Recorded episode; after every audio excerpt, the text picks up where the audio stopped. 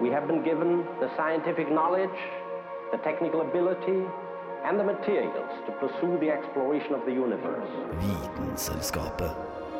Stedet der vitenskap møter underholdning. Ignition sequence start. Six, five, four, three, two, one. It's one small step for man. One giant leap Vitenselskapet. På Radio Nova. Hallo, hallo, og hjertelig velkommen til nok ei sending med Vitenselskapet. I dag så skal vi vie all vår oppmerksomhet til Egypt. Dette vidkjente, forjettede landet helt sør i Middelhavet. Og skal da prate mest om gamle ting, men det er jo òg litt nytt å komme med fra Egypt. Vi skal innom både Suezkanalen, graviditetstester og mumier. Og med meg i studio til å få til det her, så har jeg Anna Vik Rødseth og Jonathan Malmberg. Jeg gleder meg til hva den neste halvtimen har å bringe. Du hører på Vitenselskapet. Tirsdager klokken ti til halv 11 på Radio Nova.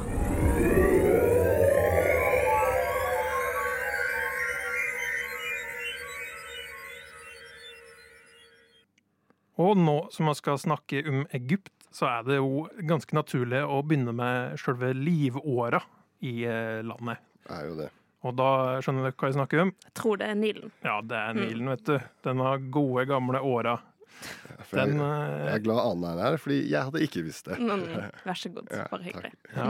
Nilen, da, som jo alle har hørt om, vil jeg tro, er jo en av verdens lengste elver. Den er 6,6 000 km lang. Det er litt av ei elv. Mm. Eh, Den renner jo innom en ti-tolv land, så det er jo ikke bare Egypt eh, som nyter godt av Nilen, men det er jo der vi skal rette vårt fokus, da. Så Nilen er jo best kjent fordi den skaper liv. Den er da et eh, gedigent vatningsanlegg, egentlig. Mm. Eh, og ja, alle elver kommer jo med vann, så det er jo ikke noe spesielt med at eh, det kommer fra Nilen nå. Men det som er med Nilen, da, er at eh, den oversvømmer, sånn som andre elver, men på en veldig taktfast måte. Sånn at eh, det går an å planlegge litt hvordan du skal drive jordbruk eh, attmed Nilen. Ok, Det er litt sånn regelmessig måte. Stemme. Ja, riktig. Eh, Så da er det en gang for året, på høsten, så svømmer den elva da over, og det dekker da dem- det nedslagsområdet med halvannen meter med vann. Det er mye vann. Mm. Halvannen meter. Det gjør noen forandringer, meg. Det gjør fryktelig mye forandringer. Eh, Og det som eh, gjør at det er så taktfast, da, er at eh, Nilen lenger opp deler seg i flere deler, men det er to hoveddeler. Det er den hvite og den blå Nilen. Og nå skal jeg antageligvis blande hva som kommer fra hvor, men eh, den ene eh, er da en ganske jevn og fin strøm med vann. Men står da ikke for sånn 20% så ikke en betydelig del av vannførselen, egentlig, selv om det er fryktelig mye vann. Mm. Eh, og den delen har da eh, hentet vannet sitt fra et område der det regner ganske jevnt og trutt. Mens eh, den andre delen, eh, som kommer fra Etiopia, der er det sesong, vet du. Og der regner det bare på sommeren.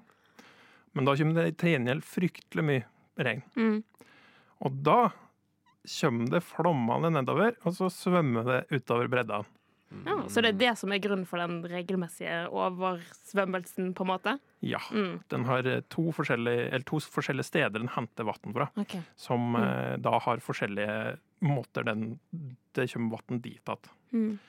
Eh, og eh, ja, da går det jo an å bare ta det som det er og drive jordbruk der. Eh, og så har de jo eh, fra lenge, lenge siden begynt å bygge kanaler eh, og store ja, reservoar.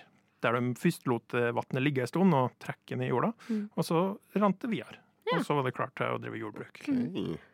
Men så befolkningen rundt Nilen er veldig avhengig av den regelmessige oversvømmelsen, antar jeg? Eller? Eh, Ja, de var i hvert fall det. Var, OK. Og så har jo kommet litt lenger den dagen. da. ja, ja, ja. Men så med tanke på global oppvarming og sånn, Er det noe eller sånn, Hvis det ikke er den regelmessige Men det går sikkert fint, da, siden de har bygget ut demninger og kanaler og litt sånne type ting. Jo, det stemmer. De Ja. har fryktelig mye fryktelig imponerende demminger over Ja. Nilen, som Mm. da er bra for å lage strøm, men òg veldig fint for å eh, ja, regulere vannstanden, da. Mm.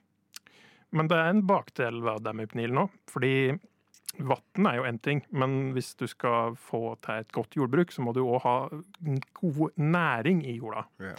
Eh, og i en ørken så er det jo ikke de beste vilkårene, kanskje. Men det vannet som kommer fra høyt oppe i fjellene lenger sør i Afrika, det er da fra vulkanske områder. Så drar det med seg masse avleiringer og godsaker som plantene trengte å leve av. Eh, og det blir da lagt att når det svømmer over. Eh, men når du putter på ei demning, så er det jo bare vannet som kommer gjennom, i all hovedsak. Ja. Så den eh, naturlige gjødslinga som har vært før, den, eh, den er mye svakere den dag i dag. Ja, ja. Ok. Men kan man ikke bare uf lage en ufiltrert kanal? Ja, du, du, kunne For det de er jo jo små molekyler, dette her. Altså nitrogen, fosfor og sånn, men det må jo være mulighet til å lage et litt bedre filter. La de slippe gjennom, på en måte. ja, ja. Ja, jeg tror det uansett vil gå en del tapt, altså. Men Mm. eh, det kan hende at eh, det er noen eh, egyptiske ingeniører som burde ta seg en prat med det. Hva så mange ideer du har, ikke? Eventuelt så kan de bare la det som det er, og så kan de kjøpe kunstgjødsel fra Norge? Norge, i stedet. Mm. Ja, det er en god idé. Det er mye bedre.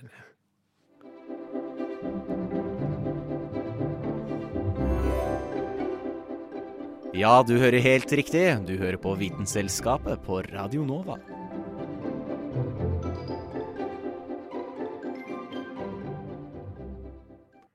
Det er kanskje bare tirsdag, men jeg føler at oss fortjener litt fri fra alt dette hverdagsstresset. Vi Og skal ikke bare ta oss en liten spatur, da?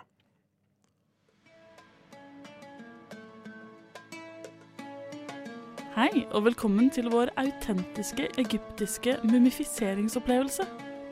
Du kan bare legge deg ned på bordet over her. Sånn, ja. Jeg tenker vi starter med lobotomien, så skal resten gå veldig smertefritt for seg, altså. Foretrekker du at jeg knuser hjernen din først, eller drar den ut med en krok? Perfekt. Kroken har vært et veldig populært alternativ i det siste. Da skal jeg bare dytte den inn i nesa di. Sånn her. Der, ja.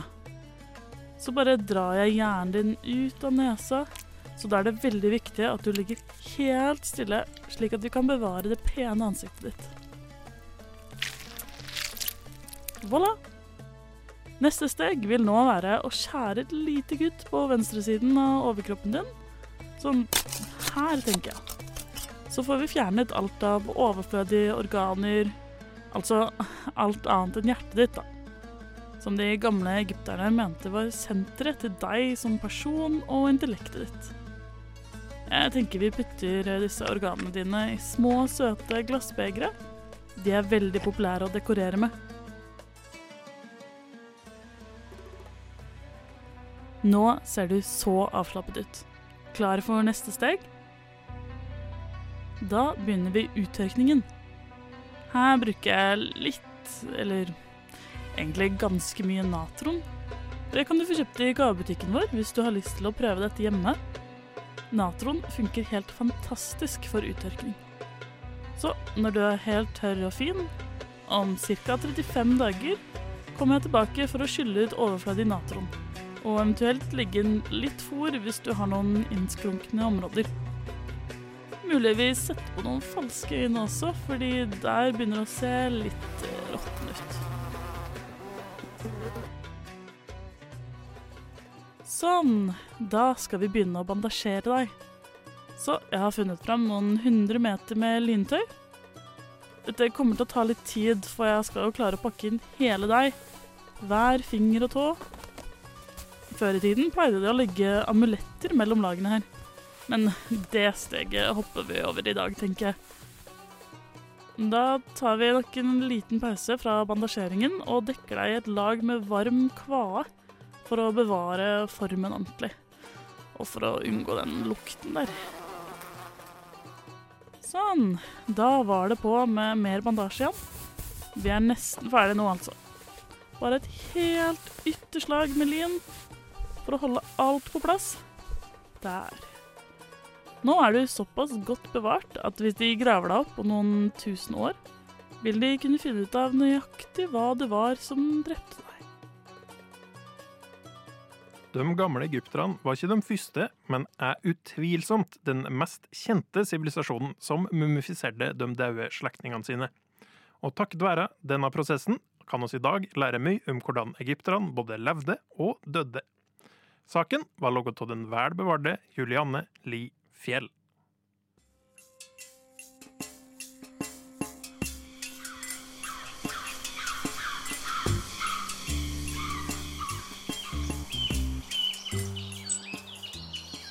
Du hører på Vitenselskapet på Radio Nova.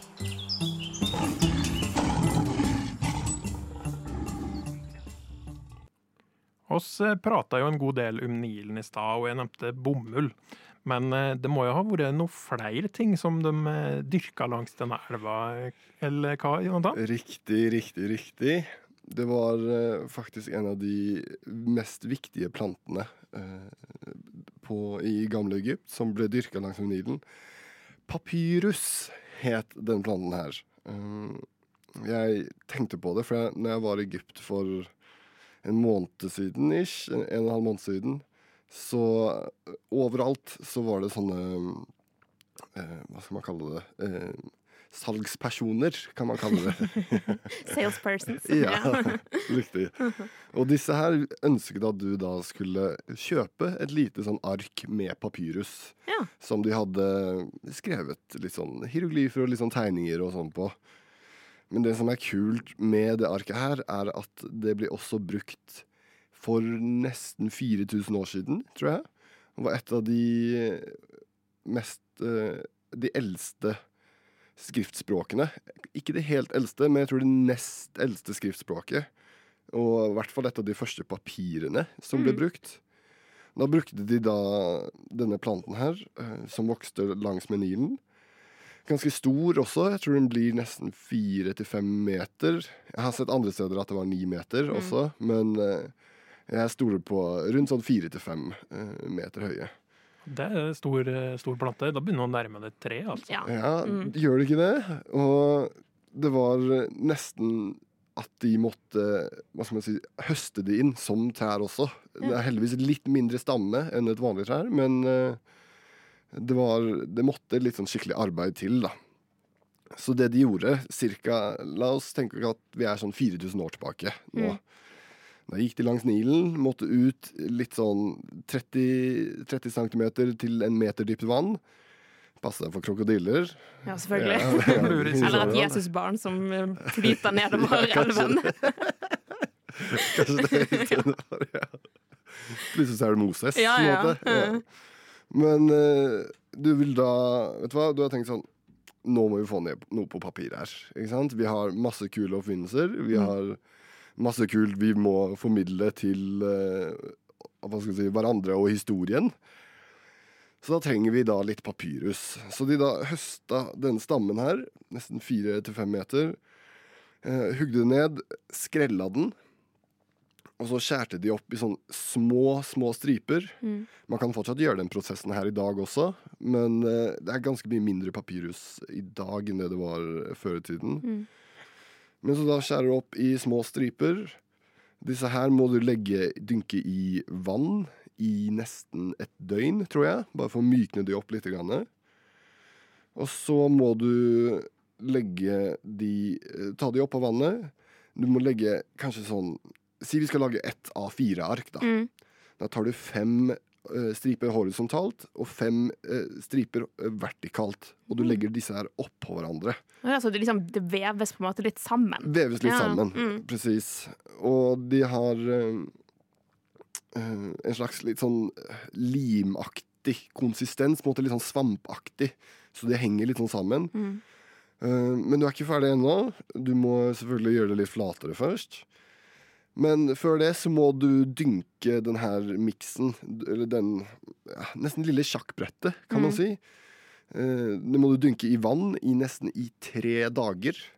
før du kan begynne å massere det flatt. Eh, Men når disse, si disse tre dagene har gått, da tar du en eh, sånn gammel trehammer. Mm. Gjerne en som man finner i rettssaler nå, kanskje. Mm, ikke sant? Mm. Og her er kanskje min favorittdel, eh, bare for å få ut eh, litt aggresjon. Fordi nå skal du begynne å slå de flate. Mm. Kan ikke bruke full styrke, men bare sånn, litt sånn svakt. Så det blir i hvert fall litt flatere. OK, nå har vi et flatt arklignende ting, men eh, nå må det også presses enda en gang. Så det her må nesten presse i tre dager, og da Mm. brukte de ofte litt sånn større steiner og bare lot det presse oppå i tre dager. Og da var du veldig nesten ferdig. Det siste du måtte gjøre da, er å bare mm, Hva skal man kalle det? Skrape det litt eh, Litt sånn eh, mykt. på Mm. måte. Det var veldig ruglete. Ja, så måtte måtte file det ned litt. File det ned var Ja, akkurat ja, det ja. ordet jeg lette Mm. Ja, så da brukte vi gjerne en kniv eller en litt sånn myk, Mm. sånn forma stein. Um, og noe i den duren. Mm. Eh, Og da hadde du da endelig ditt eh, A4-ark som du kunne begynne å skrive ned ting på. Ja. Men altså, de brukte papyrus til masse forskjellig. Mm. Eh, De brukte det til båter, de brukte det til sandaler og litt sånn andre ting. Men det kuleste um, er at vi har funnet et litt sånn gammelt ark fra lenge siden. Som kalles The Diary of Meter. Og der har han basically lagd et eh, Excel-skjema av eh, transport og arbeid og sånn som skjedde med den største pyramiden, eh, Kufu. Jeg tror jeg, ble, jeg tror det er faraoen som lagde het Kufu. Mm. Og det har en del eh, litt sånn eh, registreringer og bare sånn Ja, de kom da, og de dro da. Og litt sånn lønn og ja. Litt Excel-skjema, basically. Ja. Ja, det er spennende at eh, du kan ta nå, bruke seks dager, og så føre regnskap. Og så er det Excel du velger. Det er det du velger. Ja, Det verste programmet. Litt av et word. Tusen takk til det, Jonathan. Vitenselskapet.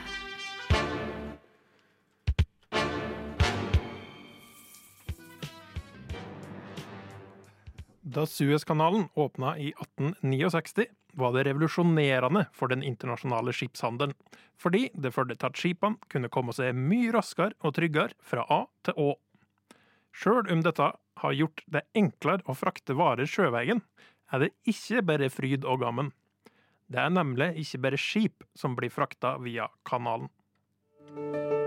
Vi som lever i dag, tar kanskje Suezkanalen litt for gitt, og glemmer at det er en imponerende konstruksjon. En menneskeskapt vannvei som er lengre enn avstanden fra Oslo til Lillehammer, 24 meter dyp og bred nok til at du kunne lagt to fotballbaner etter hverandre over vannet. Over 20 000 skip bruker kanalen årlig, og det er altså gode sjanser for at du eier et produkt som har seilt gjennom Suez. Det er nemlig betraktelig raskere å bruke denne snarveien. Før kanalen ble åpna, var skipene som kjent nødt til å seile rundt Kapp det gode håp, tuppen av Afrika. Dette er en farefull ferd, for ikke å snakke om lang. Da Suezkanalen sto ferdig, reduserte den reisetiden mellom Asia og Europa med omtrent 30 dager. Suezkanalen er med andre ord med på å gjøre at du raskere får tingene du har bestilt fra Kina. Men selv om det er veldig praktisk, blir det stadig tydeligere at Suezkanalen har fått uventa konsekvenser for miljøet i havet.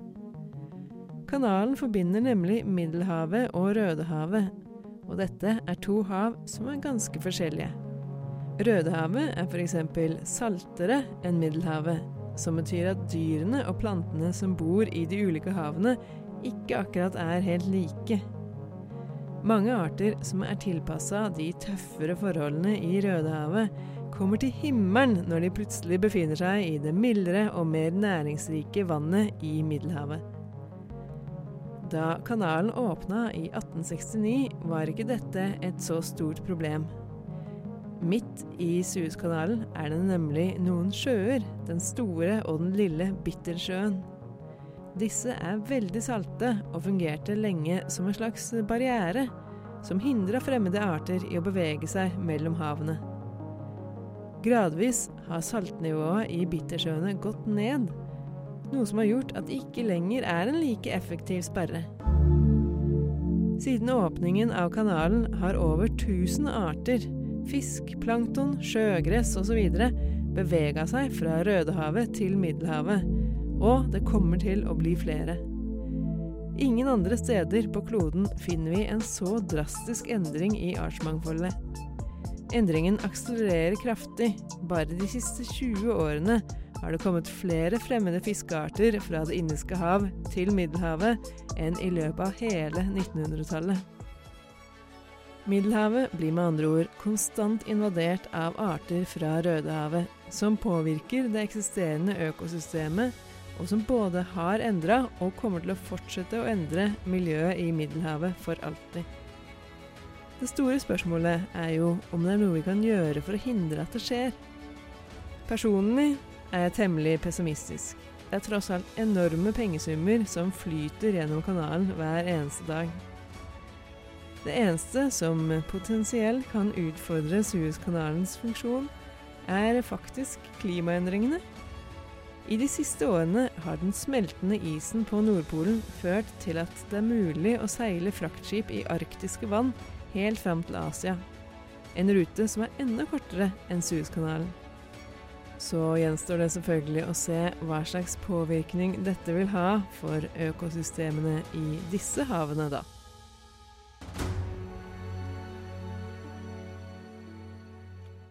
De fleste husker nok det tragikomiske synet av fraktskipet Ever Given, som satte seg grundig på tverke i Suezkanalen i 2021. Denne logga jo ei gedigen trafikkork, men det var ikke første gangen et skip satte seg fast og blokkerte veien for dem bak. Allerede på åpningsdagen for kanalen i 1869 ble et skip sittende fast. Heldigvis tok det ikke så lang tid å få det løs som det Ever Given brukte. Saken er det Kristin Grydland som står for. Hæla i taket med Vitenselskapet.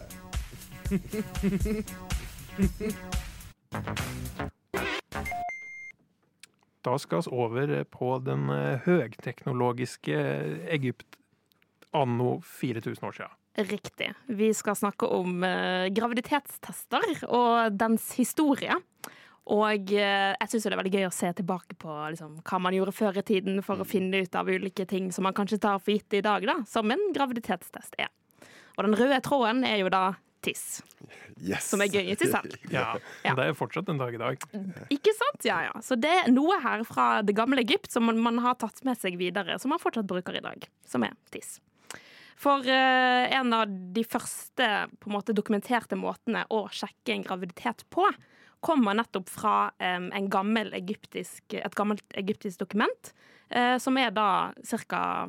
Ja, 4000 år gammelt. da.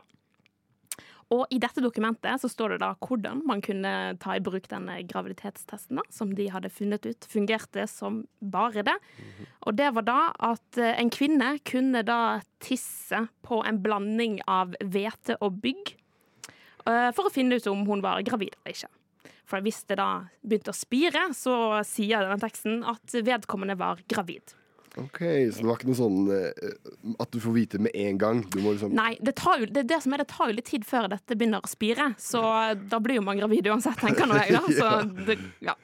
Men og i tillegg til det, i tillegg for å bare vite at du var gravid eller ikke, så var det også, eller det står i den teksten, at dersom bare hveten begynte å spire, så ventet eh, kvinnen et, en liten jente. Men var det bygg som begynte å spire, så var det en gutt i magen. OK. Ja. Så eh, om vi skal ta dette her for eh, god fisk, eh, er jeg litt usikker på. Det er bare en av oss som kan finne ut. Jeg skal ut i feltet og finne det ut for dere to. Det lover jeg en eller annen gang. Ja. Uansett, eh, hvis vi spoler litt frem i tid, til eh, 1920-tallet. Eh, For da, eh, rundt denne tiden, da klarte forskere å identifisere et hormon som heter HCG. Og det som er spesielt med dette hormonet, det er at det er dette hormonet som de gravide skiller, skiller ut i urinen sin. Og det finnes ikke i en eh, ikke-gravid kvinne. Så når de visste dette, at det var én spesifikk ting eh, som ble eh, skilt ut i urinen til kvinnen, så måtte man på en måte prøve å finne en metode der man kunne identifisere denne ene tingen. Uten å tisse på bygg og kveite. Da gikk man bort fra bygg og kveite, holdt jeg på å si, hvete, som jeg sier i min dialekt. Men vi tok i bruk da mus og kanin. Å ja. Ja.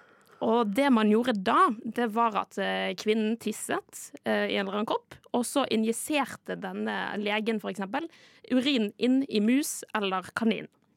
Og eh, det sies da at eh, hvis dette hormonet, eh, HCG, var til stede i urinprøven, så ville dyret gå i såkalt varme, som jeg tror betyr at eggstokkene begynner å vokse. Um, og det indikerte da at kvinnen var gravid. Um, men det som var dumt med å bruke da kanin eller mus til dette, det var at uh, alle disse dyrene døde av denne urinbehandlingen. uh, og i tillegg til det så tok det også ganske lang tid før man fikk svar om man var gravid eller ikke. Men det virker ikke så mye mer praktisk enn den gamle egyptiske måten, egentlig. Nei, egentlig ikke. Det tok kanskje, kanskje det tok et par dager før da dyret døde, og da visste man ja, jeg er gravid. eller eh, overlev nå er du ikke gravid. Men da har du plutselig et kjæledyr i stedet. Ja, eller en Ja, ikke sant. Da kan du ha et kjæledyr som du har basically tisset inni. Men ja, det er sikkert noen som liker det. Um, men litt seinere, rundt 1930- og 40-tallet, da kom frosken. Yay! Og her ble egentlig det samme prinsippet brukt. Um, disse kvinnene eh, injiserte, eller urinen til kvinnene injiserte eh, inn i denne frosken. Og dersom da frosken begynte å produsere egg, så betød det at kvinnen var gravid. Og fordelen ved å bruke frosken istedenfor disse kaninene og musene, var jo at nå tok det bare 8 til 24 timer før frosken begynte å produsere egg. Um, og i tillegg til det uh, så døde ikke frosken av uh, tissebehandlingen. Så da kan du bruke samme frosk flere ganger uh, for å sjekke. frosk. Ja. Ja. Jeg er for så vidt enig i at Ikke nei. Men eh, etter denne suksessen med frosken, da eh, begynte mm, mange labber i Europa og USA fikk høre om dette, om denne frosken som eh, produserte massevis av egg etter litt eh, tissing, på en måte. Og da ble denne frosken fra, fraktet fra Afrika til mange labber i Europa og USA for å ta i bruk eh, denne frosken til faktisk bruk av eh, graviditetstester til kvinner.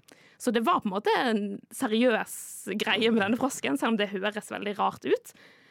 Um, men um, det var jo fortsatt litt uspesifikt, siden det er jo mange andre ting i urinen enn dette ene hormonet. Så det var jo ikke før i nyere tid, da vi fikk på en måte um, de testene vi har i dag, der det er på en måte et antistoff som gjenkjenner det hormonet vi er ute etter, um, at man først fant det, at det faktisk ble um, spesifikt og trygt, og eh, minimalt mye mindre um, både positive og eh, negative falske tester. Da.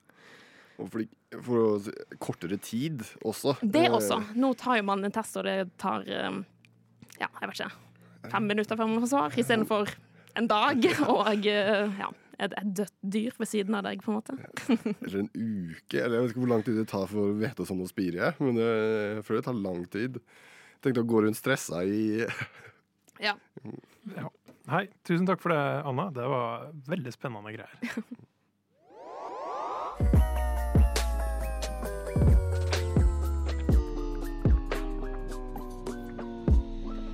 Vitenselskapet. Det var alt oss rakk i dag. Tusen takk til de som hørte på, og tusen takk til dere to som var med meg i studio, nemlig Jonathan. Og Anna! Og du kan jo høre oss eh, når som helst hvis du savner oss før neste tirsdag. Du finner oss eh, på eh, hvor som helst du pleier å finne podkaster. Du kan òg finne oss på sosiale medier, der oss innimellom glimter til med noe morsomt. Eh, oss høyres.